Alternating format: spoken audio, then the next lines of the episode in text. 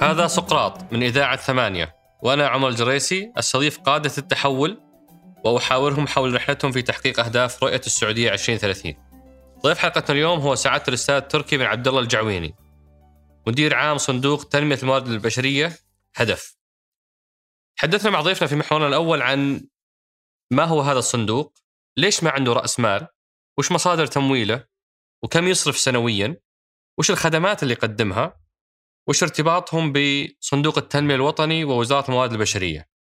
وبعد ذلك دخلنا على أهم ما تم تحقيقه في بوابة طاقات وعدد المستفيدين من دعم التوظيف.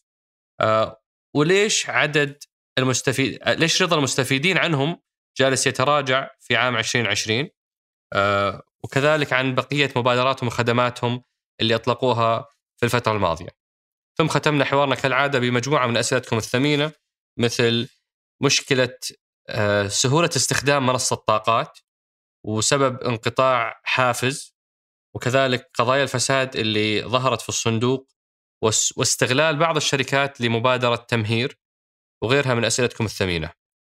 أترككم مع الحوار. حياك الله أبو عبد الله شرفتنا ونورتنا. الله يحييك وشاكر لكم على الاستضافة و اتمنى إن شاء الله انه يكون لقاء ثري ومفيد لمتابعين البرنامج بحول الله. أنا متأكد إن شاء الله. أبو عبد الله أنت مدير صندوق الموارد البشريه ومسوي لي مشاكل في الموارد البشرية اللي عندي في البيت. أنا بنتي يارا مع بنتك هيله الله إيه. يحفظهم في المدرسة أي. ودائما تتكلم عن الحيوانات الأليفة اللي في بيتك. ثم تجي وتطالبني أنا بحيوانات. مماثلة أنتم ما وقفتوا على قطوة وكلب أنتم رحتوا لمراحل جديدة إيه. وش قصة الحيوانات الأليفة في بيتك؟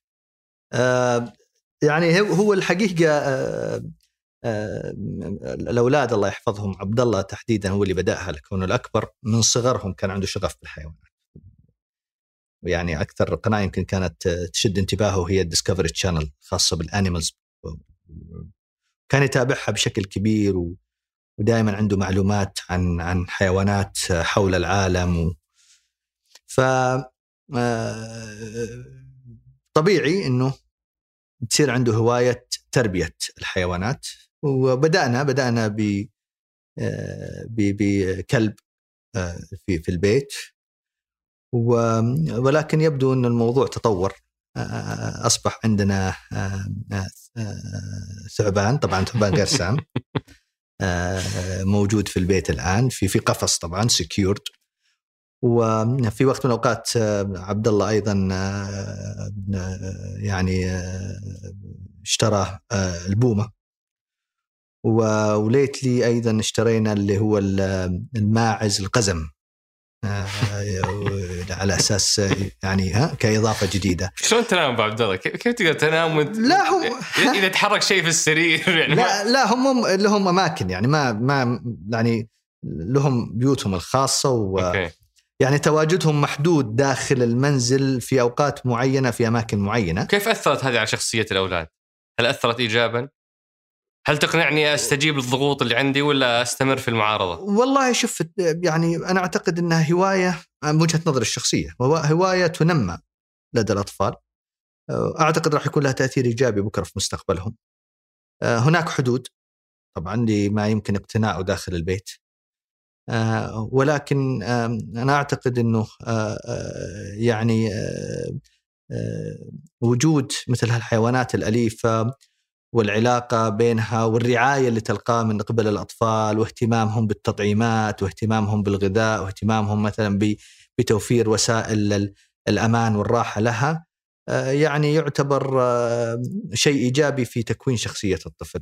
متى ما كانت الرغبة موجودة، قد تكون بعض الأطفال عندهم يعني رغبة محدودة ومن ثم يعني يطفش من العملية أنا الأمر اللي لاحظته عندي في أولادي لا هي آه، عملية مستدامة. هي ليست هي ليست توي آه، لمدة شهر شهرين أو سنة لأنه الطلبات كل يوم قاعدة تزيد لإضافة أفراد آخرين. طبعا هناك مقاومة وهناك رفض كامل.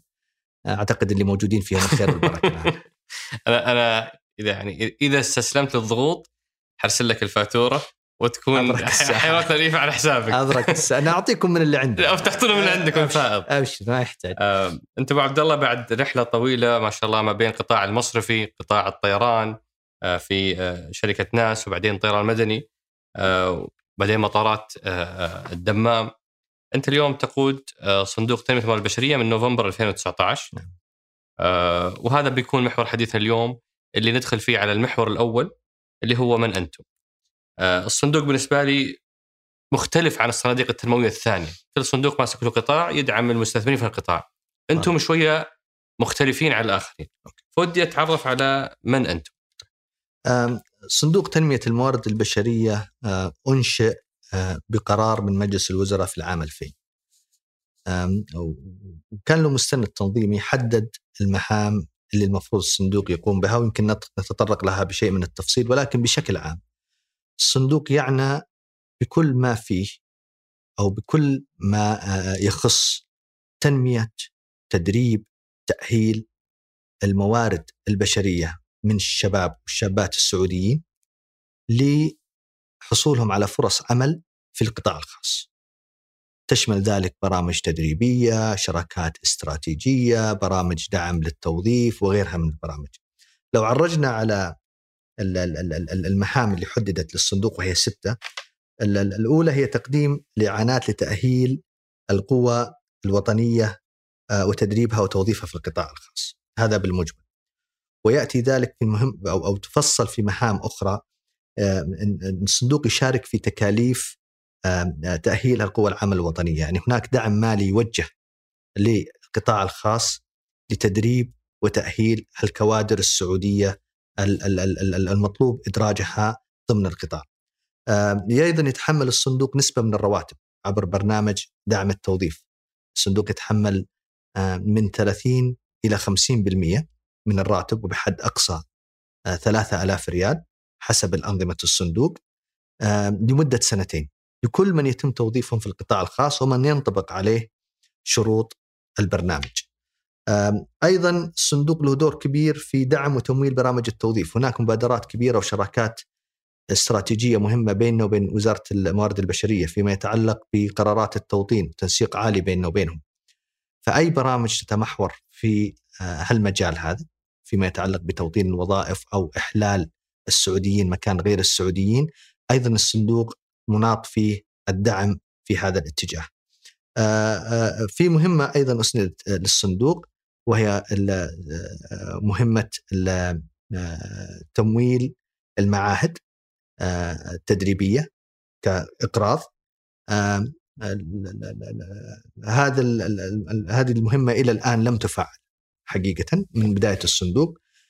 وهناك الآن دراسة على تنظيم الصندوق كامل لتحديد ما إذا كانت هالفانكشن هذه تحت مسؤولية صندوق تنمية الموارد البشرية أم أنها تنتقل لأحد الجهات الأخرى الشقيقة اللي لها باع وتستطيع القيام بهذه المهمة على اكمل وجه. الم- طبعا المهمة السادسة والأخيرة آه، تتعلق في آه، آه، البحوث والدراسات المتعلقة بسوق العمل. آه، آه، من خلال المرصد الوطني للعمل والموجود في الصندوق واللي تشرف عليه لجنة آه، توجيهية آه، حاليا هي برئاسة معالي نائب وزير آه، الموارد البشرية ومشاركة آه، مجموعة كبيرة من قطاعات الدولة. آه، يقوم المرصد بعمل الدراسات والبحوث وإصدار التقارير الخاصة بسوق العمل. المرصد له ارتباط وثيق بقاعدة بيانات آه، عدد عدد كبير من الجهات يحصل على البيانات من خلالها وبالتالي يقوم بتحليلها والرفع بالتقارير التي تخص سوق العمل آه، بشكل ربع سنوي وبشكل سنوي أيضا. وهذه المهام السته أبو عبد الله كيف تمولون أنفسكم؟ أنا أنا لاحظت كل الصناديق التنموية لها رأس مال، أي. أنتم ما لكم رأس مال. لا الصندوق لم لم ليس له رأس مال، الصندوق يعتمد بشكل كبير على الإيرادات. الإيرادات- من وين تجيكم ايرادات؟ آه، الإيرادات تتم تحصيلها من قبل الرسوم بعض الرسوم التي أقرتها الدولة. آه، هناك مثلا رسوم المقابل المالي، هناك جزء من الإيرادات يدخل للصندوق، أيضا جزء من المقابل المالي نعم. اللي هو رسوم العمالة الوافدة نعم نعم يروح لكم أنتم. نعم. كم الجزء هذا؟ إحنا نحصل على 200 ريال شهريا. 200 ريال شهريا. نعم. من ال- الآن هي 800 ريال تقريبا. تقريبا نعم. وغيره؟ عندنا المخالفات. آه، مخالفات؟ مخالفات ال- وزارة الموارد البشرية.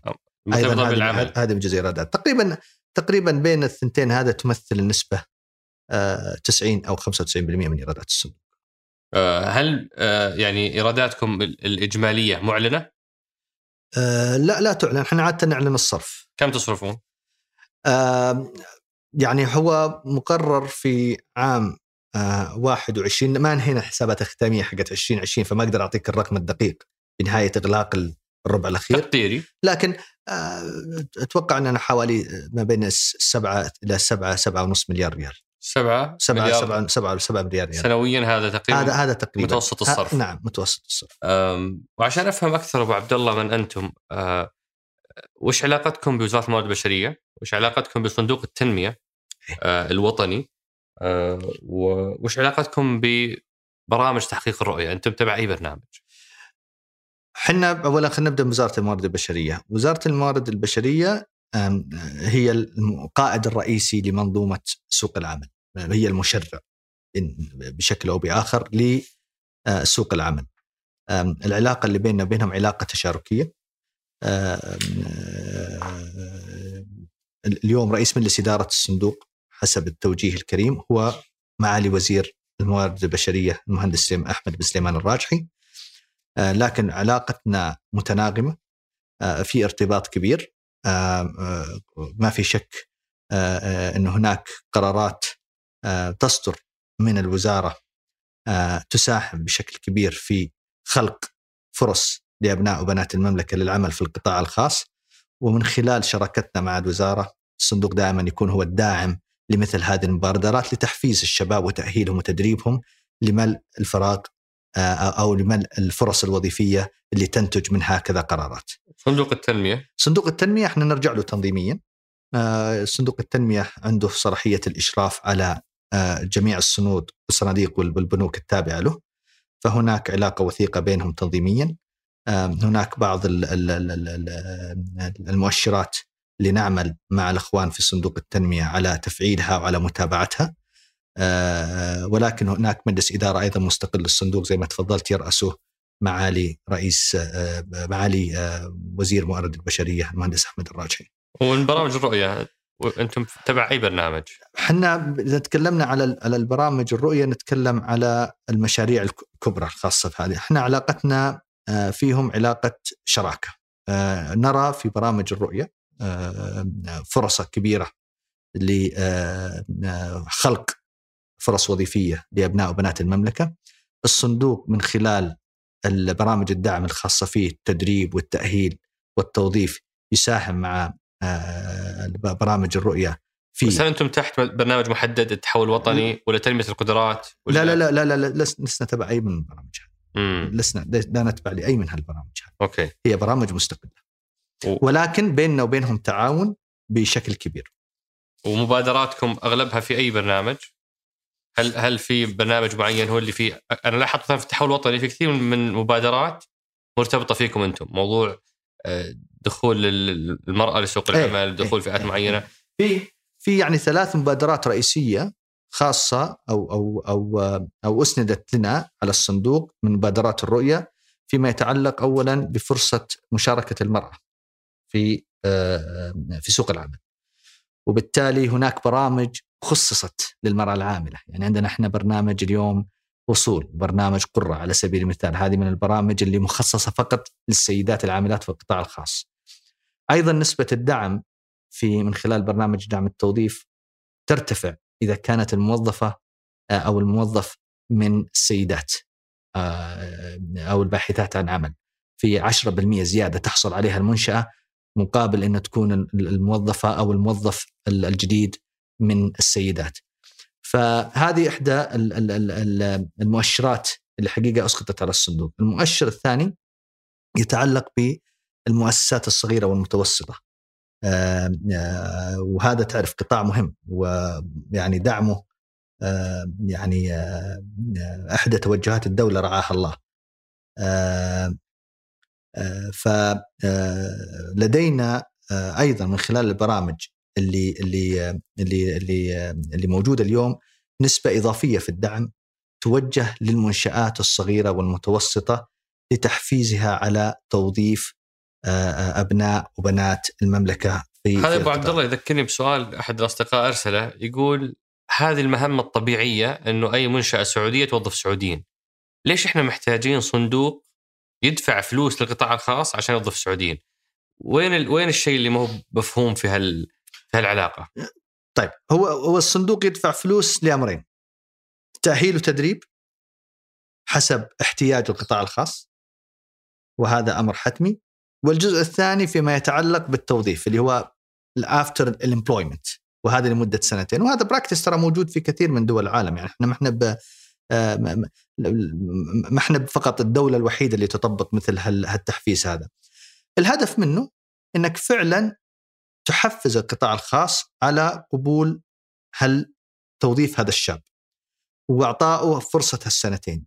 آه، هناك آه، يعني هناك يعني في فترة من الفترات أصبح هناك يعني يمكن نقدر نقول عدم أو كان كان توجه الشباب السعودي متوجه للقطاع الحكومي. إذا رجعنا إلى 15 20 30 سنة سابقة. ما كان في إقبال حقيقه عن القطاع الخاص. فاللي حصل خلال فترة القطاع الخاص اضطر إنه يحضر الأجنبي أو غير السعودي كبديل في في تلك الفترة. اليوم أنت في مرحلة تصحيح وضع. تصحيح وضع. وهذا التصحيح يتطلب حوافز مالية. تبدأ من التدريب والتأهيل بحيث إنه يكون هذا الشاب قادر أو الشابة قادرة على إحلال أو الاحلال مكان الأجنبي والثاني طال عمرك اللي هو برنامج الدعم اللي فقط محدود لمدة سنتين ويدعم لمرة واحدة فقط يدعم لمرة واحدة فقط لا يمكن دعم هذا الموظف مرة ثانية إذا انتهت فترة السنتين في الدعم لا يمكن دعمه بأي حال من الأحوال وهذا يمكن يكون مدخل جيد عشان تعرف على المحور الثاني اللي هو الأهم في في حلقتنا اليوم اللي هو محور ماذا حققتوا. أي. آه أنا من خلال اطلاع أبو عبد الله على آه تقاريركم آه فهمت إنه في سبعة مؤشرات يمكن هي الرئيسية اللي مرتبطة بأهدافكم الاستراتيجية. نعم. آه وممكن نبدأ فيها واحد واحد ونشوف وش أبرز ما تم تحقيقه. أنتم عندكم بوابة الوطنية للعمل اللي هي طاقات. نعم.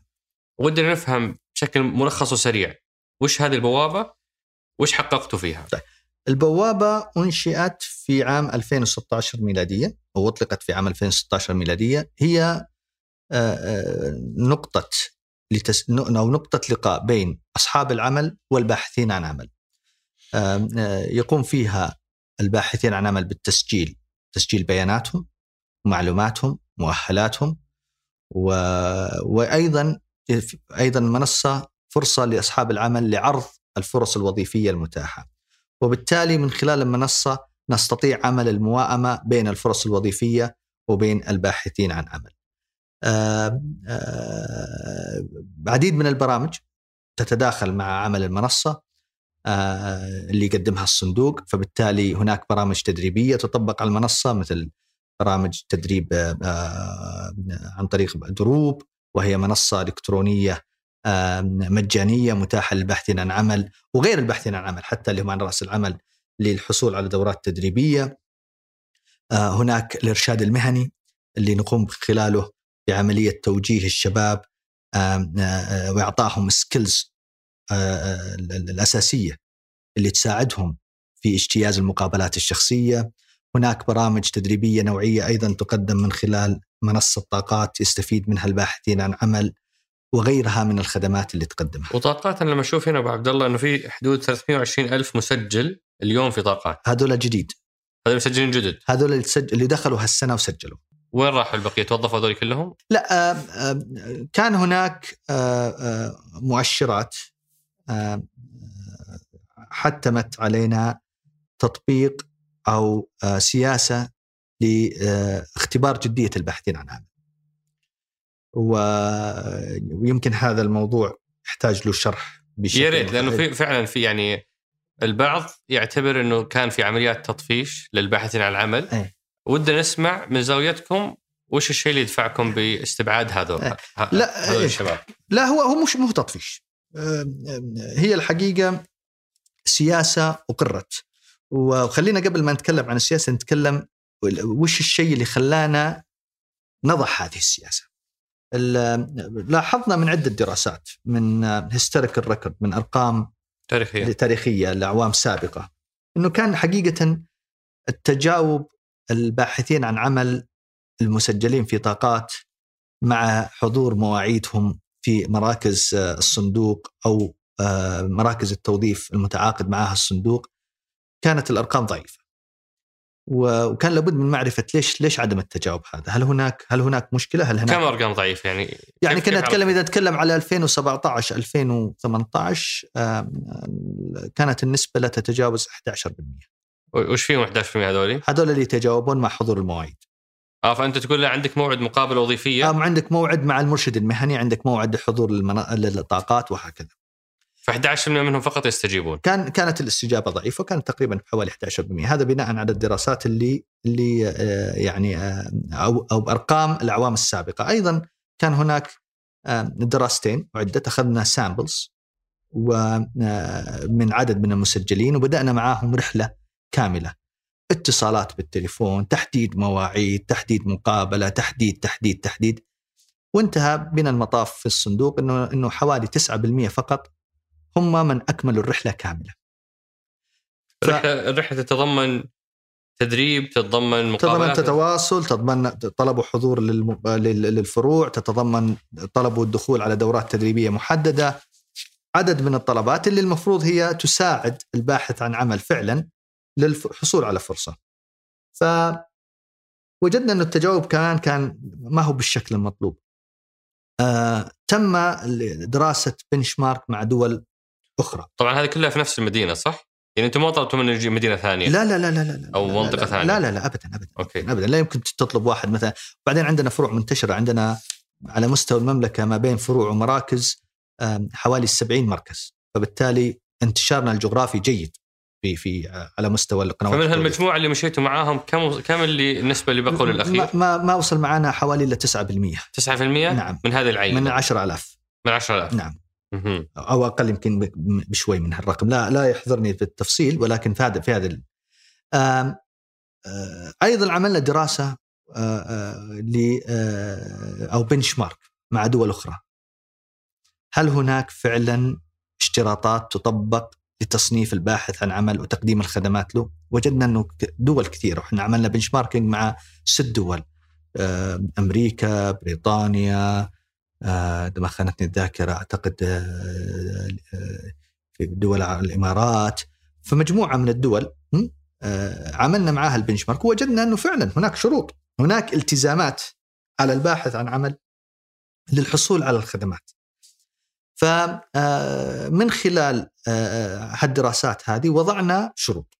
وضعنا شروط تتلخص إنه اولا عرفت منه الباحث عن عمل والشخص اللي يتراوح عمره ما بين 15 إلى 60 سنة يكون عاطل عن عمل لا يملك سجل تجاري لا يكون موجود أو مسجل كطالب في أحد الجامعات ولا المعاهد.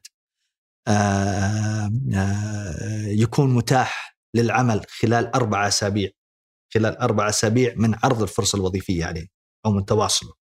بينما بعض الدول هي أسبوعين. ومجموعه من الاشتراطات الأخرى وأيضا أخذنا فيها الاعتبار الأنظمة الدولية ومراعاتها. حصلنا على الموافقة على السياسة وتم البدء في تنفيذها. وتنازلت الأرقام. طبعا فيه مجموعة توظفوا. إحنا وظفنا خلال العام الحالي هذا. 700 ألف الفرق ولا 800 ألف؟ هل عندك بشكل كذا تقريبي مين الجزء اللي تم توظيفه مين الجزء اللي تم استبعاده؟ لا الج... عشان نعرف الجزء الأكبر وين راح. جزء جزء كبير استبعد. جزء كبير استبعد. الجزء الأكبر استبعد. وأكبر جزء استبعد من لم يرد من لم يردوا على الاتصالات الهاتفية بالأساس. مه. يعني كان هناك محاولات للاتصال. قد تكون أرقام مدخلة بالخطأ قد تكون قد يكون الشخص مسجل و ولا ولا ولا يرغب يعني أو غير أرقام تليفوناته ولا يرغب. لا لا نستطيع لكن لم يتم التواصل معنا. هناك كثير أيضا من رد وأبلغنا مثلا إنه لا يرغب في العمل في القطاع الخاص. هو يبحث عن عمل في القطاع الحكومي. ومنصة طاقات والصندوق لا يختم الباحثين عن عمل القطاع الحكومي. أيضا هناك من يعني آه، ابدا آه، وبشكل واضح إنه الغاية من تسجيله هو الاستفادة من برنامج حافز. وليس آه فحقين طاقاتهم يستفيدون من حافز؟ في جزء كبير منهم نعم يستفيد من حافز. فمنهم من أب من يعني أوضح لنا في الصندوق إنه الهدف منها. فتم فلترة هذه الأرقام. بعد ما بدأنا فيها وقطعنا فيها شوط طويل لاحظنا تحسن كبير في تجاوب المسجلين في المنصة. يعني ارتفعت من نسب حوالي 10 11 9% حسب الدراسات اللي اللي إحنا عملناها سابقا إلى 68% إلى 65% وأنا أتكلم هنا على شهر أكتوبر ما وصلتني الأرقام للربع نوفمبر وديسمبر. وهذا يدل إنه أصبحنا more focused أصبح هناك يعني تركيز أكبر لل resources حقت الصندوق للفعلا للراغبين على البحث هذول ال 300 أو أو ال 265 ألف اليوم هم شريحتكم المستهدفة اللي تقدمون لهم خدماتكم سواء حافز ولا التدريب ولا الإرشاد هي كلها اليوم متمحورة في في هؤلاء. طبعا في في تسجيل جديد يضاف. إي. وأي مسجل جديد يدخل من نظام في آه، آه، في آه، يطبق عليه سياسة الجدية. م. قبل ما نحسبه كباحث عن عمل. يعني وي أربع, أربع شهور هذه تستمر أربع شهور؟ لا لا لا تستمر تقريبا من شهرين إلى ثلاثة. من شهرين إلى ثلاثة. إي نعم من شهرين في واحد كان يشتكي يقول إنه يعني فترة التأكد من الأهلية تمتد أربع شهور. يمكن يخص حافز. حافز إي. إيه يخص حافز. أوكي. حافز تصل إلى ثلاثة شهور وقد تمدد أكثر يمكن لحصوله لمخالفات يعني قد يكون حصل على مخالفة. إحنا ما نستبعد الشخص من المخالفة الأولى على فكرة. دول العالم اللي سوينا ال benchmarking في كثير من الأحيان يتم استبعادك من البرامج مجرد إنك تخالف مخالفة واحدة. إحنا نعطيك فرصة لثلاث مخالفات. مخالفات اللي هي؟ مخالفات يا يعني إنك ما رديت على التليفون مم. أو ما تجاوبت معنا يا يعني إنك ما حضرت الموعد محدد أو ما دخلت إلى دورة تدريبية. طيب خلينا نجي السؤال الأهم من هالأعداد هذه كم توظفون سنويا؟ السنة هذه من إجمالي من تم السنة هذه نقصد فيها 2020 2020 العام الماضي. 197 ألف هم من تم توظيفهم عن طريق طاقات سواء كانوا عبر برامج مدعومة أو لم يدخلوا من ضمن البرامج يعني كان توظيف مباشر عن طريق فروعنا ف 197 ألف تقريبا 197 تم توظيفهم من إيه. خلالكم إيه. وهذا هو المتوسط السنوي ولا كيف تقارنون أدائكم العام الماضي بالسنوات السابقة؟ لا يعني إحنا لاحظنا ارتفاع كبير في الربع الأخير، يمكن كان نحقق نتائج أفضل السنة هذه لولا الجائحة. صح يعني أصابتنا الجائحة وتعرف توقفت يعني جهود التوظيف في القطاع بشكل كامل تقريبا. وفي أبو آه. عبد الله هنا عفوا آه، آه، مؤشر ثاني اللي هو عدد المستفيدين من أصحاب الأعمال المدعومين. إي أنتم هذه الشركات. آه، أنتم كنتوا تخدمون 4700 وصارت 39000 إيه يعني تقريبا 10 أضعاف نعم من من تقصدون بأصحاب الأعمال؟ أصحاب الشركات القطاع الخاص الشركات المسجلة تدعمه هو دعم التوظيف يتوجه مباشرة له للشركة؟ للشركة. أيوه. يعني اليوم الشركة إذا بتدفع راتب 6000 ريال إحنا نقول ندعم موظفها هذا حسب حسب أحكام أو شروط الصندوق ب 50% في 3000 ريال تروح للشركة لمدة سنتين. تعويضا له عن نصف الراتب. والشركة تدفع للموظف هي تدفع الموظف راتبه الأساسي 6000 ريال. اي أول كنتوا تدفعون أنتم مباشرة؟ كان في عدة برامج قديمة. أي. كان عدة في برامج قديمة مختلفة. بعضها انتهى وتم انحاء يعني انتهاء من البرنامج وإلغائه. آه، بعضها كان موجه للقطاع الخاص وبعضها كان موجه للمستفيدين كموظفين. مين اللي يحق له الاستفادة من آه، آه، هذه البرامج؟ كمنشآت. هل عندكم معايير معينة ولا أي أي منشاه تقدر تستفيد طالما الموظف لم يسبق له الدعم؟ حاليا حاليا جميع المنشآت أو جميع من المنشات اللي تسجل موظفين في التأمينات الاجتماعية لها الحق الاستفاده من برامج الصندوق ما لم تكن الشركة موقفة نظاميا بسبب مخالفات سواء عن طريق الوزارة أو عن طريق الصندوق. فهذا الرقم 10 هذا الرقم 10 اضعاف العام الماضي. ليش القفزة هذه؟ آه ممتاز. آه أنا أعتقد إنه خلال الفترة الماضية كان في وهذا جزء من الاستراتيجية يمكن ما تطرقنا لها ويمكن يكون في مجال نتطرق لها لكن كان في نوع من آه، من آه، التعاون أو الشراكة الاستراتيجية الحقيقية مع القطاع الخاص. الصندوق لا يخلق وظائف. يمكن أنا أول ما توظفت على هالمنصب كثير من الناس كلمني قال لي اخلقوا وظائف لازم صحيح. الصندوق لا يخلق وظائف ليس من مسؤولياته خلق الوظائف. كما أنه ليس المشرع. ليس الجهه اللي لكنه يعمل مع الجهتين يعمل مع القطاع الخاص في مساعدته على إيجاد فرص عمل للسعوديين من خلال الشراكات اللي نقوم فيها مع القطاع الخاص ونعمل مع المشرع جنبا إلى جنب في المساعدة وإبداء رأينا في بعض التشريعات اللي تخدم المصلحة العامة. آه، آه، أعتقد إنه بنينا جسور من الثقة مع القطاع الخاص. كان في بعض التغييرات والتعديلات اللي سويناها في البرامج والتي لم يكن القطاع الخاص على توافق معها خصوصا برنامج دعم التوظيف. كان هناك نوع من التحدي بالنسبة للقطاع الخاص. آه، استمعنا لهم جلسنا مع في ورش عمل مع الغرف التجارية ومع مجموعة من رجال أعمال ومع الشركات. أخذنا بهالمقترحات طبقنا منها ما رأيناه مناسب في برامجنا في في برنامجنا الجديد وأطلقناه بصورة جديدة. فوجدنا إقبال كبير حقيقة. القطاع الخاص أحس إنه هذا هو البرنامج المناسب اللي يبحث عنه واللي بيساعده في تحقيق أهدافه سواء كانت من سعودة الوظائف أو توظيف أو خلق وظائف جديدة لأبناء وبنات الوطن. فمن هال من هالأساس هذا وجدنا أو أو أو حصلنا على أو أو لاحظنا تصاعد في أعداد الشركات المسجلة اللي تستفيد من خدمات الصندوق.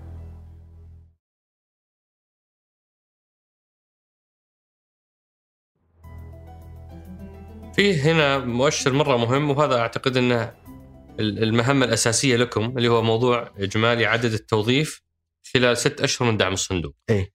آه وش فكرة هذا المؤشر؟ وليش ستة شهور؟ طيب هذا ما في دعم مالي. يعني لا لا يتطلب إنه يكون في دعم مالي. هذا يكون مثلا آه، آه، شخص سجل عندنا في المنصة. وحنا نقول خلال ستة شهور من تقديم خدمات إرشاد مهني من جدولة مقابلات له من آه، إيجاد فرص مناسبة استطعنا توظيفه. م. لا يشترط هنا انه يكون حصل على دعم مالي، قد يحصل على الدعم المالي بعد ما يتوظف. ولكن لم يحصل على دعم مالي أثناء بحثه عن الوظيفة. فالتارجت هنا اللي حققناه كان 110 ألاف على مستوى المملكة وهذا آه، آه، شباب وشابات عملنا معاهم من خلال تخصصاتهم ومن خلال تواصلنا مع القطاع الخاص وأوجدنا لهم فرص كان هناك إرشاد مهني وهذا ما هو ما هو تكلفة ما فيها ما فيها دعم مالي مباشر للباحث عن عمل. آه، كان هناك تهيئ في موضوع إعداد ال CVs آه، كان هناك مساعدة في إجراء المقابلات. آه، كان probably بعضهم حصل على بعض الدورات التدريبية المجانية اللي إحنا نقدمها من خلال الصندوق. ولكن لم يكن هناك دعم مادي مباشر لا بالتدريب ولا بالتوظيف. قد يحصل بعد التوظيف أن يحصل على الدعم إذا ما تقدمت الشركة الموظفة بطلب الدعم المالي. آه، يعني أنا أشكركم على شفافيتكم أنتم حاطين مؤشرات رضا المستفيدين أي. أصحاب العمل أو الموظفين أي. وفي كلا المؤشرين تراجعتم آه، هل بحثت الأسباب أبو عبد الله؟ طيب ليش يعني تراجعتم في رضا المستفيدين؟ يعني يمكن واحدة من الأساسيات اللي إحنا يعني اخذناها في عين الاعتبار بعد تطبيق سياسة جدية الباحثين عن عمل عدد الاعتراضات زاد. شيء طبيعي. يعني إحنا ما إحنا ما تستبعد شخص لحصوله على المخالفات أو الإنذارات آه، ما في شك إنه جزء كبير منهم راح يعترض. فهذا ياثر على نسبة رضا المستفيدين. ولو أننا لاحظنا يعني خلال الربع الأخير أن النسبة ارتفعت زادت. يعني كنا كان معدلنا خلال الثلاث أرباع الأولى في الستينات ارتفعت في إلى إلى السبعينات النسب. هذه واضحة. طيب أصحاب العمل ليش ليش يتراجع رضاهم؟ بالعكس أنتم الحين صرتوا تعطونهم ناس أكثر جدية. نعم. هناك تغييرات جذرية قاعدين نقوم فيها على المنصة الطاقات. وبعض البرامج تم تغييرها وتحسينها. قد لا يكون وأنا لا لا أرغب إني يعني نلوم أحد برسي لكن قد يكون المشكلة مشتركة.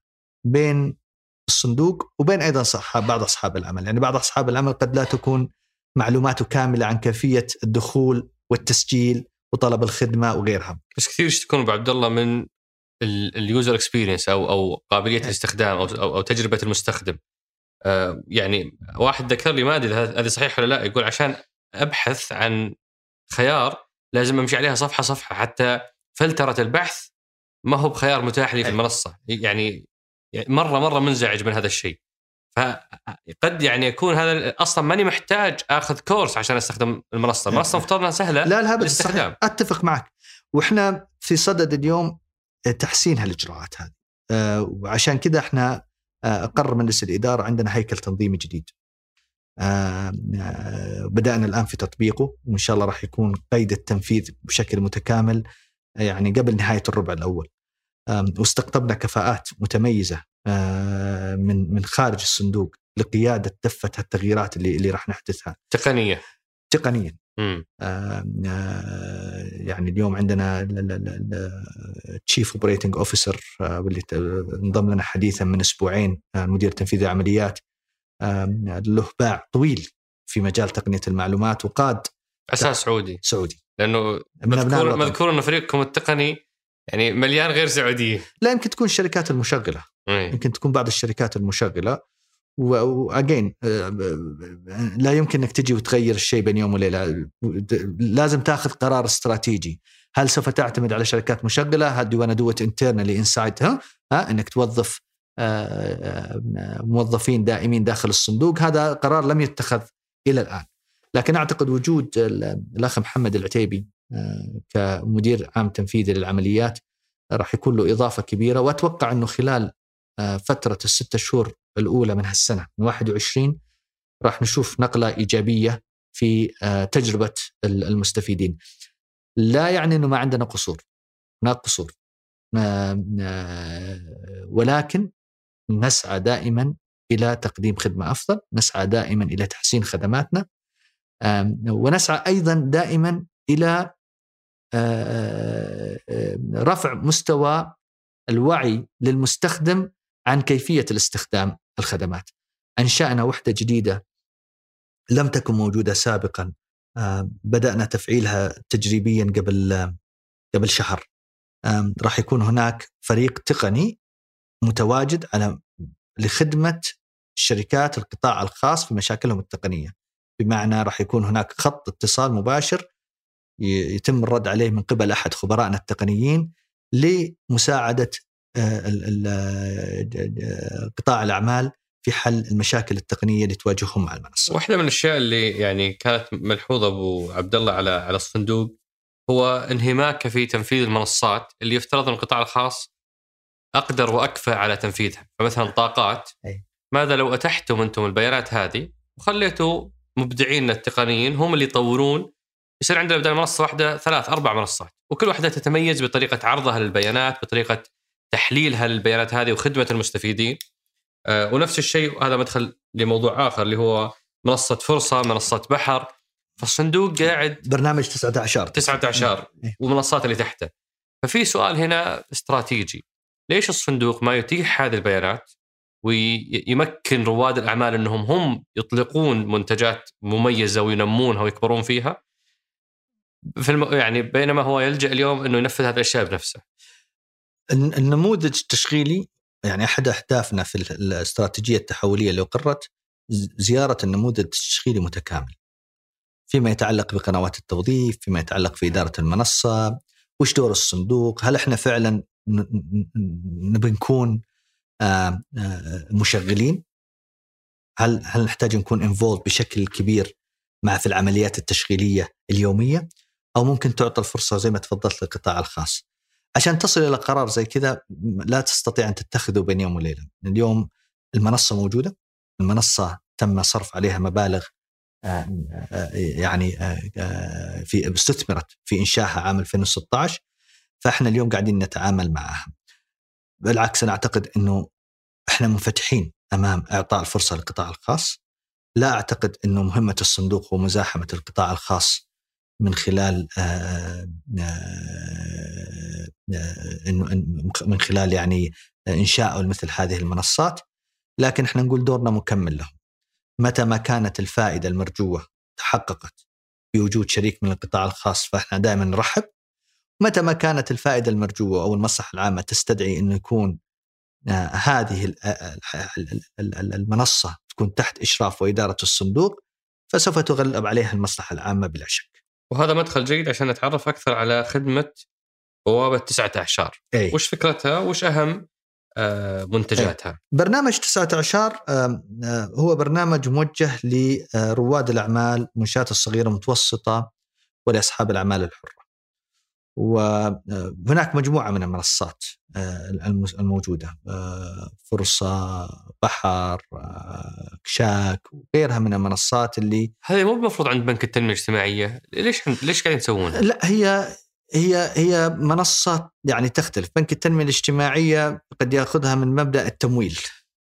مبدأ التمويل إحنا نعطي فرصة عمل. إحنا نهيئ فرصة العمل. يعني على سبيل المثال إذا أخذنا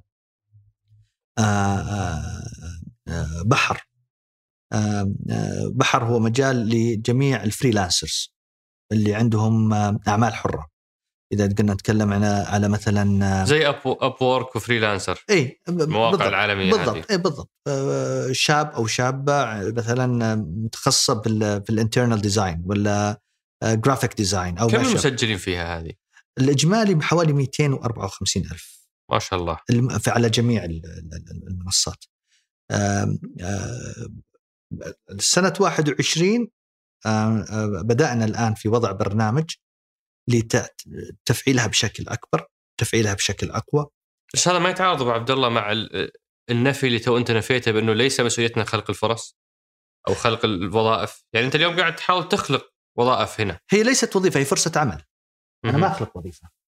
أنا أمكن هالشاب والشابة اللي عنده عمل قائم من الحصول على فرصة عمل من الحصول على هالفرصة هذه.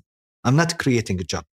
أنا أنا البلاتفورم اللي يجمع بين الجهتين بين صاحب العمل وبين ال- الباحث عن هالفرصة هذه. ولقيتوا فيها آه، أثر إيجابي في تمكين ال- ال- الشباب؟ إيه، أثرها جيد. إذا نتكلم هل هو طموحنا لا. اليوم ليس طموحنا. كيف أعتقد حتطورونها؟ هناك الآن استراتيجية هناك اجتماعات بدأنا فيها. يمكن عام 2020 لم تكن السنة ال- ال- ال- ال- ال- المناسبة. وظلمنا فيها شوي 19 أنا يعني have to admit this لأنه كنا كان تركيزنا على آه، مهام أخرى. آه، اليوم بتكامل الفريق وبتغيير الاستراكشر أصبحنا على قدره أكبر إننا نركز على 19 19 كانت ماشية بشكل جيد فبالتالي فضلنا إننا ما نتداخل معها. أعتقد سنة 21 راح تكون هي السنة اللي اللي نحدث من خلالها ثورة أو نقلة نوعية في آه، برنامج 19 وأنا أوصي أبو عبد الله من موقع هنا بناء على الرسائل اللي جتني أوصي بدراسة فكرة الشراكة مع رواد الأعمال. يعني هذه الأشياء غالبا حتلاقي في رواد أعمال قاعدين يحاولون يسوونها. كفريق عمل هم أقدر واكفى مو لانهم مهاراتهم أعلى من من منسوب الصندوق لكن لأنها بالنسبة لهم هي حياة وموت ما في شك. وليست آه، وظيفة يؤدون فيها مهام مضمونة الراتب. ما في شك. آه، فقدرتهم اليوم في في زمن ريادة الأعمال ونمو الشركات التقنية ما هو ابدا صعب إن الواحد ينشئ هذا هذه الشركة ينميها يكبرها وينطلق حتى أبعد من حدود السعودية. أنا كل منصة من هذه أنا قاعد أشوف إنه في شركات آه، ورواد أعمال شغالين عليها. ما أدري إذا كان ممكن الشراكة معهم آه، أبداً. تطوير بشكل مشترك. هذا بيخدم الطرفين. ما يخدم المصلحه العامة إحنا مستعدين. وهذه دعوة للجميع حقيقة للتواصل معنا ممن لديهم أفكار من لديهم مبادرات قد تخدم مثل هذا التوجه. أبغى أكد أنه احدى المبادرات الاستراتيجية اللي آه، آه، للاستراتيجية الجديدة اللي أقرت في الصندوق هو إنشاء مجلس للقطاع الخاص. مجلس استشاري للقطاع الخاص راح راح يكون مسؤوليته وهذا الآن يعني تقريبا قطعنا فيه شوط جيد يمكن خلال أتمنى إن شاء الله إنه قبل نهاية الربع الأول نكون انتهينا من التصور وحوكمته راح يكون هذا المجلس له دور كبير في آه، آه، وضع بصمة القطاع الخاص في مبادرات وبرامج الصندوق بشكل عام.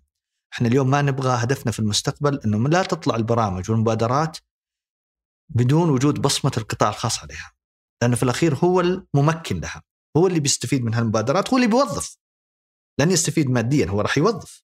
يعني there's there's a, there's a, آه، يعني آه، آه، علاقة آه، وين وين آه، يعني بالضبط علاقة بالضبط مكاسب للجميع. مكاسب للجميع ف من خلال المجلس أعتقد راح يكون أيضا في دور كبير لرواد الأعمال متى بيبدأ المجلس هذا؟ والله مع ال- اليوم كان في update من الاستشاري. pushing hard إنه نكون انتهينا منه قبل آه، آه، نهاية الربع الأول.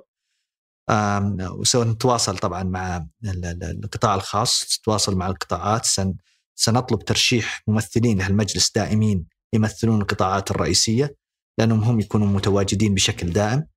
وسيتم الاتفاق معهم على الحوكمة وإطار عمل المجلس ممتاز. والتفاصيل راح تعلن في حين في أبو عبد الله أنا لاحظت ما شاء الله بالمجمل أغلب مبادراتكم كان في قفزة أي. في عام 2020 مقارنة ب 2019 في موضوع المستفيدين من دعم التوظيف، المستفيدين من التدريب على رأس العمل، تمهير، أي. آه، المستفيدين من آه، دعم ال- ال- العمل الحر أي. بس في آه، وصول في مبادرة واحدة تراجع فيها وصول العدد اللي هو وصول أي. آه هذه هي الوحيدة اللي تراجعتوا في في عدد المستفيدين. ليش؟ يمكن هذه أكبر أكبر شيء أثر علينا فيه الجائحة. اي التنقلات والعمل عن بعد نفى الاستفادة، إحنا أطلقنا آم، حسنا في آه، برنامج وصول. آم، رفعتوا أنتم الدعم. رفعنا الدعم زدنا مدة الدعم من سنة إلى سنتين. ولكن جت الجائحة في وقت الإعلان يعني ويمكن ما ما تمكنا من تسويقها بشكل إيجابي. وأيضا ظروف العمل في ذلك الوقت يمكن أثرت على استفادة ال- ال- ال- ال- العاملات في القطاع الخاص. تتوقعون هذا الرقم يرجع يعني؟ we can see it's picking up من ال من ال يعني نتابعها بشكل شهري قاعدين نشوف في زيادة في الأرقام زيادة إيجابية آه، آه، وأيضا ننظر إلى آه، أصلا ننظر إلى البرنامج كيف ممكن كمان أيضا نعدل فيه ليخدم شريحة أكبر اليوم ما شاء الله مع قيادة المرأة كثير من السيدات عندها أصبح سيارتها الخاصة وكذا فهناك أكثر من من من من من من فكرة مطروحة آه، ما زالت في المرحلة الأولى لايضا تحسين البرنامج، التطوير لا يتوقف لا لا لا السنة ولا السنة القادمة ولا اللي بعده. لفت نظري أبو عبد الله واحدة من المبادرات اللي هي عدد القياديين المستفيدين من أكاديمية هدف في القيادة. إيه. واحدة من المآخذ عليكم أبو عبد الله أنه دائما أنتم تدعمون يعني قاعدة الهرم. فالسعوديين كلهم قاعدين تضخونهم في بداية السلم لكن وين تمكين السعوديين في المناصب القيادية دعم القيادات أصحاب الرواتب العالية آه، فودي تحدثني عن هذه الأكاديمية وعن الرقم اللي قفزتوا فيه من 106 إلى 700 مستفيد. إيه. الأكاديمية طبعا آه، هي عبارة عن برنامج موديل مخصص لل middle management وهي بهدف تأهيلهم ليصبحون يعني من قيادات الصف الأول. آه، بالضبط آه، هي بالتعاون مع آه، جامعة كرانفيلد و آه، نستهدف وجددنا الآن العقد أيضا زدنا المستهدفات نستهدف إن شاء الله نصل إلى آه، 1500 مستفيد 1400 مستفيد إذا ما ما خانتني الذاكرة. نعتقد إنها تجربة ناجحة. آه، وأتفق معك تماما. اليوم آم، ممكن إننا نوسع هذه ال ال- ال- ال- أو المستهدفات الخاصة بمثل هذه البرامج بشكل أكبر حتى يتم استفادة أكبر شريحة ممكنة. ما نحب نستعجل في تغيير برامجنا الآن لأنه لدينا آه، اليوم مشروع لدراسه جميع برامج الصندوق. آه، بالتعاون مع أحد المكاتب الاستشارية المتخصصة. آه، إحدى البرامج اللي راح تناقش أيضا أكاديمية هدف كيف إمكانية تطويرها. نحتاج إنه يكون عندنا هال هالعمق الدولي البست براكتسز اللي اللي ما كان طبقت أفضل الممارسات الدولية. أفضل الممارسات الدولية اللي موجودة في العالم وهذا لا يمكن إنك تحصل عليها بس غير هذه هل في أي شيء تقدمونه للتمكين الشهادات؟ الاحترافية الشهادات الاحترافية قد تندرج من تحت هذا الإطار عندنا حوالي 40 شهادة احترافية معتمدة مجرد أن يستفيد أو ينتهي من تجاوز الحصول على شهادة أو الشهادة من المعهد المعترف فيه أو المعتمد يقوم الصندوق بتعويض جزء من تكاليف هذه الشهادة للمستفيد مباشرة وتختلف النسب من شهادة إلى أخرى. آه، في من الأشياء اللي لفتت نظري أبو عبد الله موضوع توسيع مشاركة السعوديين في اقتصاد العمل الحر. إي آه وهذه أنتم قاعدين تتكلمون عن آه وظائف مستحدثة أو أو فرص جديدة. إي نعم. وش فكرة هذه المب- المبادرة؟ إحنا نرى أنه أيضا العمل الحر آه، جزء مهم اليوم من سوق العمل. العمل الحر متى ما نجح هو النواة الأولى لشركة صغيرة ممكن تكون بكره شركه متوسطه ثم تكبر وبالتالي ممكن من بداية شخص في عمل حر ينتج عنه آه، آه، بال آه، مع الوقت فرص وظيفية تخلق فرص وظيفية في القطاع وبالتالي تتمكن من توظيف أبناء وبنات المملكة من هال من هالمجال. بدأنا فيه طبعا إحنا في شركة عمل المستقبل إحدى الشركات اللي تابعة للصندوق هي من يتولى يعني آه، العمل على هالفرص. آه، متوقع أن يكون عندنا حوالي 200 ألف فرصة في عام 21 للعمل الحر على مستوى المملكة. وزعناها إلى إلى إلى إلى إلى يعني آه، مستويات مختلفة. فيهن عندنا 220 ألف فرصة جديدة. 200 ألف نعم مم. 200 ألف فرصة عمل. في أي قطاعات؟ مختلفة. التقنية النقل الموجه ال- مختلفة. يعني اللي بدأنا اليوم في النقل الموجه مع عبر وكريم وأعلن الصندوق عن برنامج دعمه آه، في نهاية أكتوبر. آه، أو بدأنا فيه في أكتوبر. آه، اليوم عندنا حوالي 2500 شخص من من لا يعملون في أي مجال آخر. ولا عندهم سجلات تجارية وكانوا باحثين عن عمل يعملون اليوم في النقل الموجه ومدعومين من الصندوق. الصندوق يدعم إلى 50% من دخله بحد أقصى 3000 منها 600 ريال راح تتوجه مباشرة إلى التأمينات الاجتماعية متى ما أنهينا الربط معهم. كدعم منا وتحفيز للشباب وتشجيع لهم وتوعيتهم بأهمية التأمينات الاجتماعية. و2004 إلى 2400 ريال ممكن تكون دخل إضافي للشاب أو الشابة العاملين في في هذا القطاع. فعندنا توجه إن شاء الله خلال 21 انه يكون في تركيز أكبر على برامج العمل الحر. وما دمنا نتكلم عن 21 أبو عبد الله أنتم في عام 2020 وظفتوا 197 ألف. في عام 21 كم تستهدفون توظفون؟ إحنا شفنا الأرقام بدأت تزيد في في آخر ثلاثة أرباع أو ثلاثة أشهر من ال من من السنة الماضية. حطينا مستهدف إن شاء الله إنه عن طريق الفروع راح نحاول نصل إلى 220 إلى 240 ألف آه، آه، مستهدف توظيفي. ولكن عدد من سيتم خدمتهم عدد من سيتم خدمتهم من خلال آه، خدمات الصندوق الأخرى متكاملة كخدمات تدريب إن شاء الله راح نصل إلى حوالي 600 إلى 800 ألف عفوا إلى حوالي 800 ألف مستفيد خلال عام 21 بإذن الله. وعلى طاري هذه أنا أشوفكم تحتفلون قبل كم يوم أو يعني خلال الأسابيع اللي فاتت إيه. بأنكم أول مرة يزيد عدد إيه. ال- ال- المستفيدين أكثر من المدعومين، ما فهمت وش ال وش ال أي وين جانب الاحتفال في الموضوع؟ طبعا آه، هذا يخلينا نتطرق إلى برنامج حافز أي. وإذا سمحت يعني أعطي فكرة عن برنامج حافز لأنه أعتقد هذا آه، محور جزء. محور مهم جدا في أكيد. في حديثنا. آه، حافز برنامج اقرته الدولة رعاها الله آه، في عام 2011 والهدف منه هو تقديم إعانة مالية للباحثين عن عمل.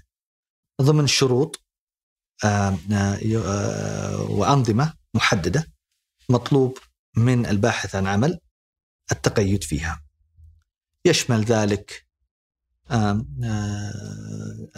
تحديث بيانات عن طريق آه، المنصة طاقات بشكل أسبوعي الحضور آه، إلى مراكز التدريب والحضور لجلسات الإرشاد المهني حضور الدورات التدريبية آه، يعني نفس الشروط اللي طبقناها في جدية الباحثين عن مم. عمل إذا إذا صح التعبير جزء منها آه، وكانت الحقيقة من آه، على مدى السنوات من 2011 من بداية الصندوق إلى آه إلى 11 نوفمبر كانت الفاتورة الشهرية الخاصة ببرنامج حافز دائما أعلى في مراحل بكثير عن ما يتم صرفه على التدريب والتوظيف يعني اليوم إحنا قاعدين نصرف على آه، مستفيدين باحثين عن عمل آه، جالسين في بيوتهم أكثر مما قاعدين نصرف على تأهيلهم وتدريبهم وتوظيفهم.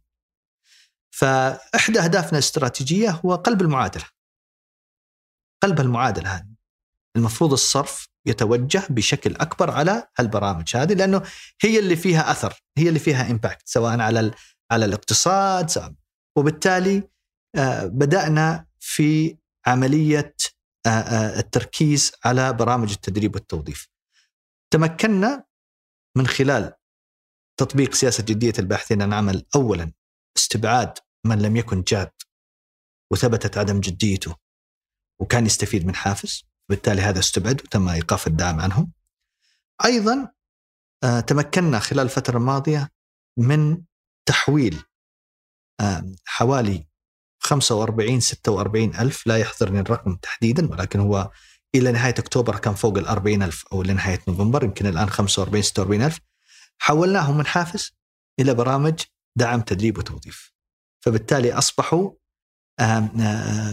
عناصر فاعلين في في سوق العمل. وبالتالي تحولت الأموال من حافز إلى شهر نوفمبر كان الشهر الأول في تاريخ الصندوق اللي يتجاوز فيه دعم التدريب والتوظيف برنامج حافز. برنامج حافز تقلص تدريجيا من بداية السنة وبشكل كبير. من من 520 مليون إلى 215 وبرامج التدريب والتوظيف ارتفعت من حوالي 90 مليون شهريا إلى 200 الشهر الماضي إلى حوالي 300 مليون. بس كثير من من المستفيدين من حافز عبد الله يقولون يعني خلوا حافزنا لنا ودربونا وسووا اللي تبون بس ليش تجون تمسكون هالمبلغ اللي خصص لنا كباحثين عن عمل آه، لدعمنا في فترة البحث عن عمل هو هو يعني ليست ميزانية. إيه؟ أنتم أنتم تكيفونها زي ما تشاءون. هي هي حق لي أنا كباحث عن عمل أعيش من خلالها. صحيح. لما أنت تجي تقتطع منها وتدربني فيها بالغصب طيب عندك ميزانية دربني باللي عندك. لا لا إحنا ما إحنا ما نقتطع معها ندرب بالغصب. إذا أثبت جديتك في البحث عن عمل إحنا لا نفرض عليك. بيستمر صرف حافز اي لا نعم. إذا ما دامك منضبط في الحضور في الدورات ما دامك منضبط في دخولك بشكل أسبوعي ودخولك أنت شخصيا ولا دخول طرف ثالث يحدث بياناتك ويحضر عنك الدورات التدريبية في احد يكلف أحد يسجل عنه؟ اي نعم رصدتوا أشياء زي كذا؟ اي رصدنا ويمكن أعلنت حتى يعني هذا هو ما هو بسر النيابة العامة آه، أصدرت مشكورة قبل حوالي شهرين عبر موقعها بيان واضح يتجرم فيه من آه، يخول طرف ثالث للدخول بالنيابة عنه آه، في على برنامج حافز تحديث بياناته طيب وتعتبر من الإلكترونية. عشان ما ما ينقطع مني عني حافز. التجاوب الاتصالات. الحضور للدورات التدريبية بنفسك. الحضور على المواعيد اللي تسجل لك بانضباط. حضور المقابلات الشخصية. okay؟ وكل و... هذه في مدينتي وعدم طبعا في حدود 150 كيلو.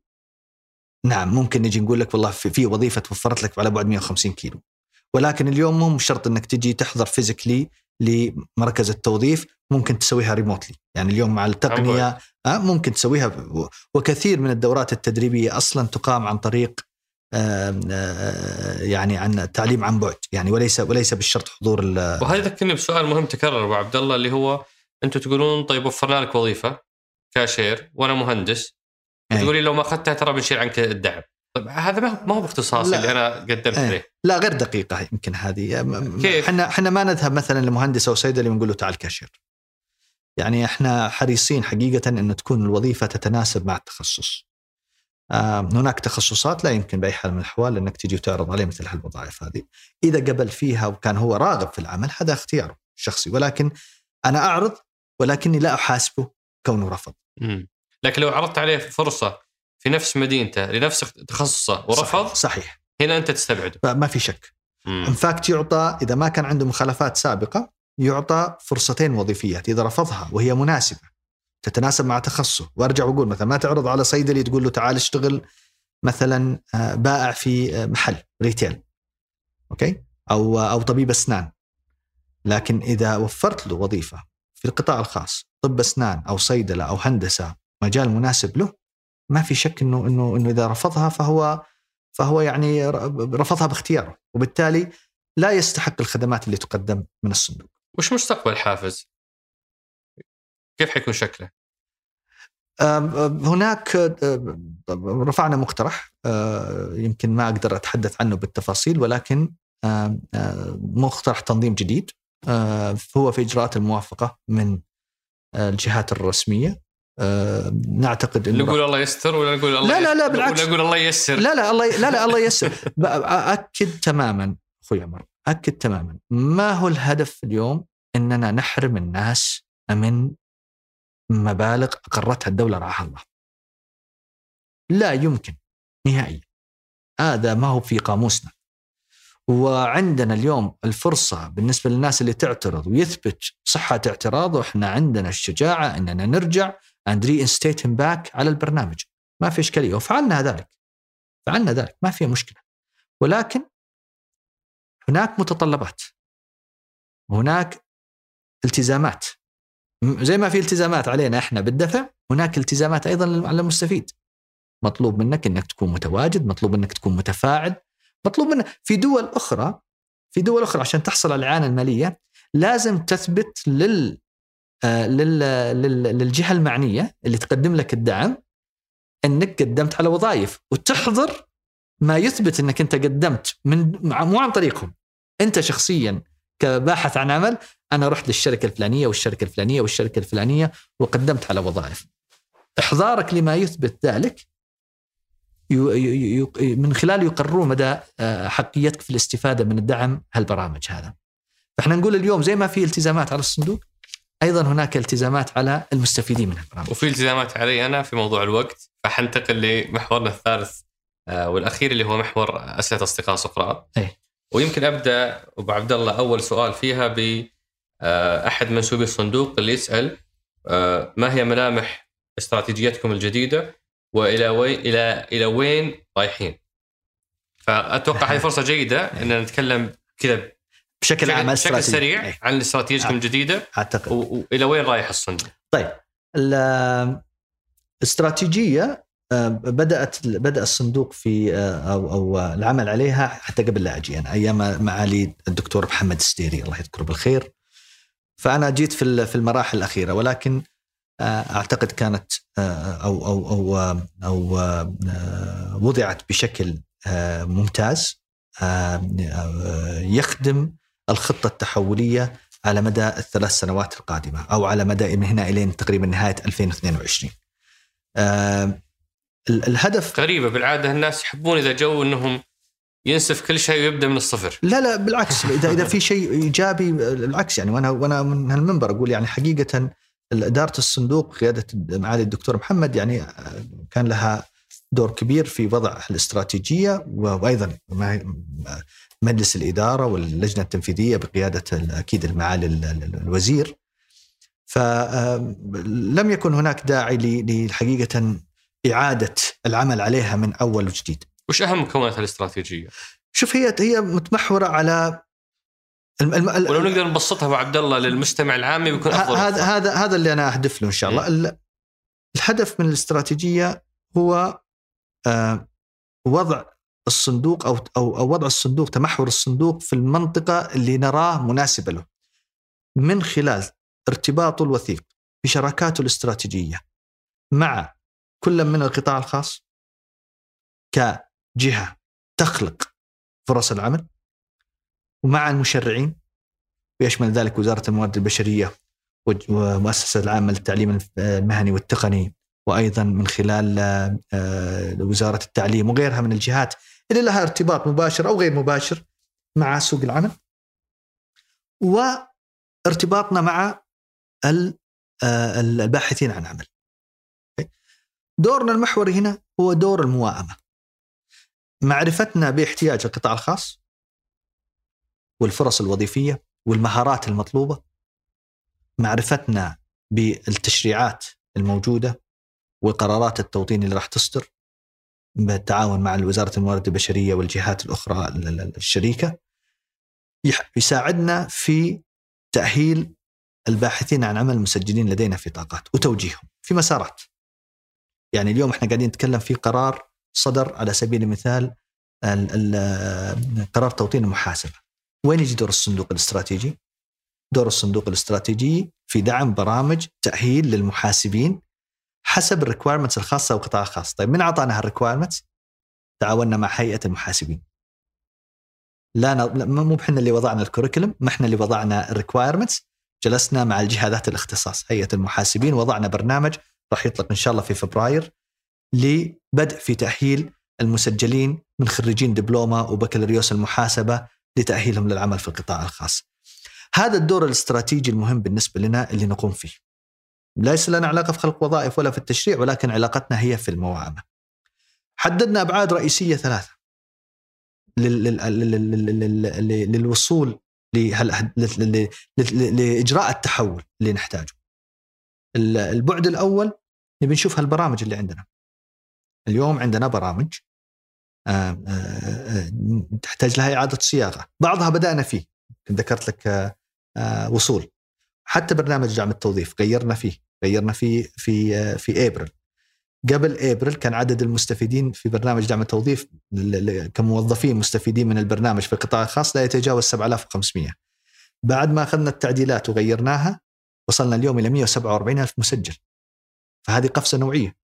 وزي ما تحدثنا سابقا الشركات بدأت فعلا تقبل على خدمات الصندوق هذا الثيم أو المحور هذا هو موضوع تطوير المنتجات الحاليه بالضبط المبادرات الحاليه وفي مشروع الان بشكل اهم واكبر زي ما تكلمنا سابقا راح يكون هناك أيضا من خلال عقد استشاري مع احدى الشركات المتخصصه راح تكون الدراسه اشمل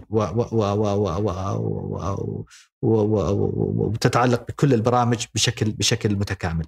حلو. المحور الثاني في مبادرات استفدنا من ال best practices أو الممارسات الدولية اللي دول سبقتنا في إننا نبدأ نبغى نبدأ نمارسها هنا كصندوق. يعني على سبيل المثال وحدة النادجنج يونت التحفيز. اليوم عندنا كثير من المهن قد تكون يعني موسومة إنها غير مناسبة للسعودية والسعودية. مع إنه لو نرجع تاريخيا يمكن مارسوها أجدادنا وأجداد أجدادنا وغيرها وغيرها. كيف يكون عندنا وحدة تحفز هالشباب للإقبال على مثل هالمهن؟ لأنه فيها حقيقة مصدر رزق جدا رائع وفيها مستقبل جدا مبهر. عندنا طال عمرك كيف ممكن زيادة فعالية البرودكتيفيتي بالنسبة للقطاع الخاص. وهذه تتعلق كيف ممكن نتعاون إحنا مع القطاع الخاص مع الجهات الشريكة مستقبلا يكون عندنا وحدة تنسق في ما يتعلق بأتمتة بعض المهن. يعني اليوم عندنا مهن تشرف عليها يمكن خلينا نقول العمالة الرخيصة. طيب هل هناك دور في الأتمتة ممكن يخلق يعدل من هذه المهن وتصبح فرص عمل مناسبة لأبناء وبنات المملكة؟ هذه إحدى المبادرات أيضا اللي تحت الدراسة وراح ننشئها كوحدات جديدة تساهم في في في في في الوصول لأهداف الاستراتيجية. والمحور الأخير هو موائمتنا مع المشرع. كيف نعمل جنبا إلى جنب مع الجهات التشريعية لضبط هذه الأبعاد الأخرى أو المحاور الأخرى. فهذا بشكل عام أتمنى أنها تكون مبسطة جميل. هي الملامح الرئيسية للاستراتيجية. استراتيجية جديدة. في أبو عبد الله هنا واحد يقول برامجكم كثيرة ومعقدة عجزت أفهمها. أيه. هل نقدر أبو عبد الله نمسكها كذا بشكل مرة سريع من أول رحلتي أنا كواحد تخرجت من الثانوي ولا من الجامعة إلين أوصل لسوق العمل حتى ما بعدها. إيه؟ هل نقدر بشكل كذا سريع نذكر وش الخدمات اللي تقدمونها في في هالمسار؟ اي يعني هو عندنا عندنا ما نسماه ما نسميه رحلة المستفيدين أيوه ويعني هي تبدأ من التسجيل على منصة طاقات، يعني اليوم أي مستفيد يبدأ رحلته معنا يكون عبر التسجيل على منصة طاقات. طبعا بمجرد أنه يكمل ال profile مجرد أنه يكمل ال profile الخاص فيه بيدخل بياناته والسيرة الذاتية وغيرها يبدأ تبدأ عملية التواصل معه. تبدأ عملية التواصل لتحديد موعد. وش تقدمون له؟ يختلف. هنا خلينا نذكر كل الأشياء اللي تقدم بشكل سريع. إيه في هالمرحلة ذي ممكن نحدد إذا إذا المستفيد أو المستفيدة ممكن يدخل على ال fast track المسار السريع. يعني على سبيل المثال يكون طبيب أسنان مرخص أو صيدلي مرخص مكتمل أوراقه وبياناته وماخذ شهادة الترخيص كاملة ولا عنده أي training requirements هذا ما يمر على المراحل الأخرى. ما يحتاج يدخل في مراحل التدريب وحل مقابلات هذا ممكن يكون هناك يدخل على موضوع مقابلة شخصية مباشرة. مهم. فرصة عمل متاحة في صيدلية أو في شركة طبية أو في مس- مستشفى أهلي قطاع خاص. مباشرة يتم ربطه مع الفرصة الوظيفية هذول حقين المسار الخاص هذول اللي مسار سريع. مسار سريع وجاهز ولا يحتاج حلو. نأتي وهذول يعني يمكن لا يمثلون الأغلبية، الأغلبية دائما تحتاج إنها تمر على القنوات الأخرى. نبدأ معاه بعدين في البرامج التدريبية والإرشاد المهني. و- ونكون أيضا في اوريدي وصلنا أو حصلنا على تقييم آه، اللي هو تقييم ال- آه، المهارات من عن طريق قياس عن طريق محل- آه، منصة سبل بحيث أن نعرف وين الشخص هذا يكون مناسب أكثر، هل هو مناسب في الأعمال الإدارية؟ هل هو هذا الاختبار اللي سو اللي أجتازوه أظن أو اللي أجروه حدود مليون شخص في تقريبا 2020 تقريبا نعم, نعم. هذا متاح ومجاني لأي أحد مجانا وإلزامي الآن، okay إلزامي لك في التسجيل، مهم. لأنه من الصعب علي إني أخليك تسجل وأنا ما أعرف وش ميولك. مهم. و- هذا يساعد في معرفه الميول والمهارات بالضبط قاعدين الآن نسعى حتى لتطويره نخليه more sophisticated يعني تعرف هو في الأخير فن art وبالتعاون مع آه، الزملاء في قياس نسعى الآن إلى تطويره بحيث إنه يكون أكثر فعالية ويعطينا مؤشرات إضافية أخرى تساعدنا في تحديد المسار الوظيفي والتدريبي المطلوب لكل آه، م- مسجل معنا أو باحث عن عمل مسجل في طاقات. ممتاز. بعد ما يتخلص البرامج التدريبية نبدأ في طال عمرك في إجراءات الوظيفية، طبعا هذه البرامج التدريبية تتراوح، بعضهم يحتاج شهرين، بعضهم يحتاج ثلاثة شهور، بعضهم قد يحتاج إلى ستة شهور. بعضهم يقول لك لا أنا أحتاج نحتاج له سنة. يدخل من ضمن البرامج التدريبية الخاصة بالشركات الاستراتيجية، أوكي؟ مجرد ما ينتهي من البرامج التدريبية يلتحق في المقابلات الوظيفية ونبدأ معاه فرصة عرض الوظائف متى ما صار فيه عرض الوظيفة تبدأ المرحلة الأخرى من بعد العرض الوظيفي أو قبول العرض الوظيفي مباشرة هي مرحلة دعم استقراره اللي هو عبر برنامج دعم التوظيف لمدة سنتين. من خلال البرنامج هذا أيضا نساعد في استقراره على رأس العمل لمدة السنتين القادمة. و... وفي شيء اللي هو أثناء على رأس العمل هذا تقدمون له غير غير الدعم المادي شيء آخر؟ اللي اللي على رأس العمل إيه اللي مثلا توظف ولا تنتهي علاقتكم بهال لا لا يستمر يستمر معنا لمدة سنتين نقدم الدعم للمنشأة اللي وظفته. مادي. ماديا. لكن تدريب وكذا خلاص هو طلع من هو خلص انتهى من تدريبه الخاص فينا. بإمكانه الاستفادة من أكاديمية هدف بإمكانه استفادة من الشهادات الاحترافية إذا قرر إنه آه، يأخذ بعض الشهادات الاحترافيه وبامكانه الاستفادة من منصة دروب في الدورات التدريبية المجانية لأنها متاحة لمن هم على رأس العمل وللباحثين عن عمل أيضا. واضح. هنا هو واحد يسأل يقول آه، برنامج تمهير حق يراد به باطل من قبل الشركات لازم يعدل أو أو يلغى عشان الشركات قاعدة تسيء استخدامه وتستغل الباحثين عن عمل إيه. فكرة التمهير إنه هو تدريب على رأس العمل نعم. أنتم تدفعون الراتب وال- والجهة ما تقدم له أي شيء نعم. وش رأيك في سوء استغلال هذا المبادرة؟ هل لاحظتوا شيء؟ إحنا عندنا طبعا عندنا برنامج أو إدارة تشغيلية متابعة تشغيلية تتابع التزام الشركات بتنفيذ آه، ال- التزاماتها تجاه البرامج الصندوق تستفيد منها. برنامج تمهير أو غيره من البرامج. اللي أقدر أكد عليه أي منشأة يثبت إنها استغلت البرنامج بشكل غير نظامي لتحقيق مكاسب مادية غير مشروعة فهي عرضة للمساءلة وسيتم الرفع فيها للجهات المختصة وسيتخذ ضدها الإجراءات النظامية كاملة. فنقول هذا إذا عندك شكوك في سوء الاستغلال ارفع على طول هون هون الباب. مفتوح عندنا في الصندوق يتم كيف كيف يعني كيف يتواصل معك؟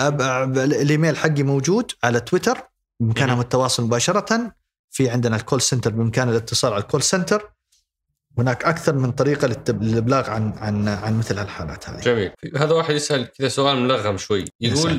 يعني يقول دائما في طاري نزاهة في الصندوق وكذا يعني إيش إيش قصتكم مع نزاهة؟ هل أنتم اللي ترفعون لهم ولا هم اللي يجون يراقبون عليكم ويكتشفون حالات معينة؟ وش السالفة؟ لا لا ما في لا, لا ما في سالفة ولا شيء يعني إحنا الدولة رعاها الله توجيه مولاي خادم الحرمين الشريفين وسيدي ولي العهد أعلنت حربها على الفساد. و وجميعنا حقيقة سواء مسؤولين أو هيئة مكافحة الفساد وهيئة الرقابة ومكافحه الفساد الآن. أو بين الجهات الأخرى. مسؤولين مسؤولية كاملة على الرفع بأي آه، آه، شبهات آه، فساد يتم يعني رصدها. إحنا مثل مثل الجهات الأخرى متى ما لاحظنا وجود شبهات سنقوم بالرفع. إحنا رفعنا وأعلنت هيئة رقابة مكافحة الفساد قبل حوالي شهرين ونص ثلاثة شهور. وكان هذا بناء على آه، ما ورد من عندنا من الصندوق ما تم يعني آه فأنتم ترفعون لهم. اي آه إحنا رفعنا وتم القبض على الشخص المتورط في في في آه، في الإجراء الغير نظامي. وسنواصل يعني أي شبهة آه، فساد لن لن نتهاون لأنه في الأخير هذا واجب وطني على الجميع. سؤالي الأخير أبو عبد الله. البطالة اليوم آه، هي هم المجتمع بكامله وكل بيت يعاني من قريب أو صديق أو حبيب آه، يعني يؤلمه ويزعجه مثل هذا الأمر. من موقعك اليوم كمسؤول آه، في دعم تمكين وصول السعوديين لوظائفهم. وش أهم نصيحة توجهها للشعب الباحث عن العمل ليرفع يعني أنت قلت لنا ما أنت مسؤول عن خلق الوظائف ولا أنت مسؤول عن التشريعات المرتبطة باستقدام ولا توطين ولا غيرها. بس خلينا نتكلم عن الجزء اللي عندك انت من خلال خبرتكم ومعرفتكم وبرامجكم وش أهم المهارات والسلوكيات اللي لو تحلى بها الشاب زادت فرصه من الحصول على الوظيفة حتى إن شاء الله تعالى نساعد أكبر قدر ممكن إنهم يحصلون على وظائف. يعني من واقع خبرة في القطاع الخاص سابقا قبل ما أجي للصندوق يمكن كان هاجس كبير لدى كثير من أبناء وبنات المملكة اللي التقيت معاهم الأمن الوظيفي. هو الأمان الوظيفي أنا ما أجد أمان وظيفي في القطاع الخاص الرسالة الأولى الأمان الوظيفي بعد توفيق الله سبحانه وتعالى يعتمد على الشخص يعتمد على على الشخص وعلى إنتاجيته وعلى آه، مثابرته في أداء عمله. ما ما في شركة ما في ما في شركة في القطاع الخاص تستغني عن عن أي شخص منتج. ما دمت منتج بالعكس هي حريصة على أنك تبقى وحريصة على أنها تزيد من راتبك، حريصة على أنها ترفع لك مكافآت لتمنع خروجك للمنافس أو لشركة منافسة. فالأمان الوظيفي بعد توفيق الله سبحانه وتعالى يعتمد على الشخص بحد ذاته. دائما نقول يعني احرص يعني نحرص الجميع على اولا الالتزام بالحضور للمواعيد. الالتزام بحضور المواعيد حتى في إثناء المقابلات الشخصية، هذه تعطي امبريشن تعطي انطباع. انطباع. انطباع أولي مهم بالنسبة حتى لل للشركة الموظفة. ان هناك التزام. ما في شك الهندام والطريقة وال والتفاؤل الدائم من العناصر الأساسية. ملاحظة للجيل الجديد أو أولادنا وبناتنا ما نبي نكبر اعمارنا كثير لكن الالتزام عند عند حصولك على فرصة عمل مناسبة لا تحاول تتنقل كثير. لا تحاول تتنقل على أي فرصة وظيفية تأتيك. ما دام أنت في مكان آه، جيد وبادي فيه لابد أنك تقضي وقت. تنقلك في عدة وظائف آه، لا يخدم سيرتك الذاتية. يعطي آه، إشارة بأنك أنت غير ملتزم وأنك أنت قد تخرج من آه، أو أو أو تقرر مغادرة العمل في حال حصولك على فرصة أخرى في مكان آخر مباشرة. ويمكن هذه أشياء كثيرة أسمعها من كثير من من من من, من الزملاء في القطاع الخاص وأنا واجهتها شخصيا إنه تجد شاب أو شابة عمرهم عمره الوظيفي كله خمس سنين تنقل في العمل في أربع جهات مختلفة. هذا هذا يعطي مؤشر غير غير غير جيد. هذه ثلاث توجيهات جميلة للي على رأس العمل، الآن أبغى ثلاث توجيهات للي يبحث عن عمل شلون يزيد من فرص حصول على على وظيفة. يمكن الأولى والثانية تنطبق أيضا اللي هو الالتزام بالحضور في المواعيد وهكذا في المقابلات الشخصية. أعتقد أنت أكثر شخص أو أنت أكثر شخص يعرف إمكانياتك. لابد إنك تكون عارف بالضبط وين المكان اللي يناسبك. وش الوظيفة وش الكارير اللي انت تبي تختاره لنفسك قبل ما تروح تحضر مقابلات وظيفية، قد لا تكون قد يكون هناك فرصة وظيفية أفضل ماديا. ولكن لابد أنك تعرف بالضبط إمكانياتك ورغبتك. في الأخير العمل هذا هو عمل ولكن إذا كان بعمل آه، ب آه، بنفسية منزعجة بعدم رغبة آه، ما في حماس له لن تكون هنا نتائجه إيجابية. فهذا أكيد إنه المفروض الجميع يحرص عليه. أعتقد عدم المبالغة في المميزات المالية خصوصا لبداية دخولك سوق العمل لا تكن مبالغ اقبل بالوظيفة اللي فعلا تعطيك فرصة تتعلم منها جميع من هم اليوم على مستوى قيادات ترى ما بدأوا كمدراء. الجميع. يعني وأنا أعرف كثير منهم وأنت تعرف كثير منهم وجميعنا لو سألناهم تجدهم بدأوا من أول السلم. فما فيها خجل إنه الشخص يبدأ من أول السلم يبدأ يتعلم يبني يبني مستقبل يبني كارير. الفائدة المالية سوف تأتي مع تراكم الخبرات مع التطوير مع التدريب خلال فترة العمل. آه، ستأتي الفائدة المالية مستقبلا. فيمكن هذه النصيحتين هي اللي تخطر على بالي الآن. آه شكرا على قبول الدعوة أبو عبد الله. الله يسلمك. وكل التمنيات لكم بالتوفيق في 220 أو أكثر.